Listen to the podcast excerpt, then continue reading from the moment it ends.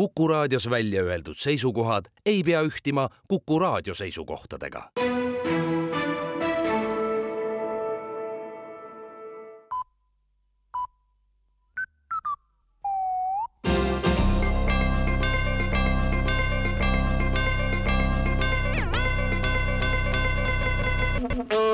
on uudiste eetriaeg ja stuudios Rohke Debelak uuringud näitavad, et Eestis saavad kõik inimesed elamisväärset palka. kuigi enamuse inimeste sissetulek jääb alla kahe tuhande euro pereliikme kohta, siis elatakse ikkagi edasi, sest suremisega kaasnevateks kulutusteks enamikel raha ei ole. palk ongi tavaliselt selline, et sellega ei ela ega sure ja faktilises võttes on tegemist siiski elamisväärse palgaga, sest inimesed on ju elus. suremisväärset palka ei jõua enamik ettevõtetest veel oma töötajatele maksta peaminister Kaja Kallas annab aga teada, et läheb pikemale Eesti tuurile ja pärast edukat kandideerimist Reformierakonna juhiks kandideerib ta nädala teises pooles ka Isamaa juhiks. järgmisel esmaspäeval EKRE ja sotside ning Keskerakonna juhiks ja kui aeg võimaldab, siis ka Eesti kahesaja etteotsa poliitikavaatlejate sõnul võib Kaja Kallasel olla võimalik teha häid tulemusi ja mitmes erakonnas võib tema häälte saak olla suurem kui Reformierakonnas kogutu. ka EKRE-s võib tulla parem tulemus kui koduerakonnas ja laiemalt, valitsus annab teada, et põllumajandustoetuste ühtlustamise teemalised läbirääkimised Brüsseliga on taas toonud tulemusi.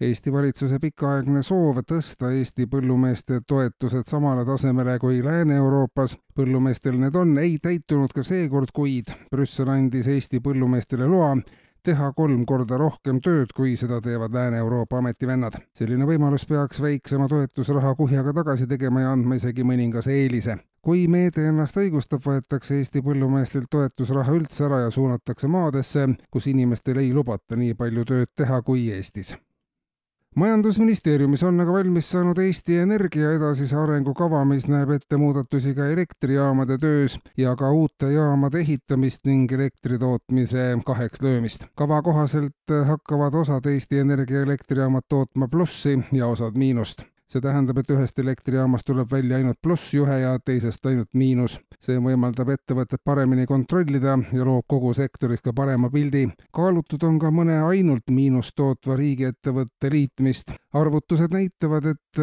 näiteks Nordica liitmisel Eesti Energiaga võib esimene pikas perspektiivis jõuda isegi nulli ja ka teaduse vallast. kliima soojenemise üheks põhjuseks võib olla üha suurenev inimeste hulk, kes on peast soojad, nii leiab värske alternatiivne uuring, millesse ei kaasatud seekord katseliselt erialateadlasi ega ka teadlasi laiemalt, sest nende arvamus on alati olnud ühesugune ja ikka samade jutupunktide kordamine veel tõi uuring välja, et mida rohkem on inimesel haridust ja teadmisi laiemalt, seda soojem ta peast on ja seda enam on ta kindel kliima soojenemises kui protsessis. inimese aju kulutab kolmandiku kogu organismi energiast ja pidevalt töötava aju energiaga varustamisel kulub suur hulk loodusressurssi kliima soojenemisest rääkijad on kahepalgelised, koguvad järjest teadmisi, kasutavad järjest rohkem oma aju ja kulutavad sellele üha rohkem energiat ja soojendavad oma sooja peaga kogu planeeti. tegelikke samme planeedi päästmiseks astuvad hoopis mitme opositsioonipartei toetajad, kes on suuri ressursse raiskava aju kasutamise sisuliselt lõpetanud ja võivad puhta südametunnistusega elada.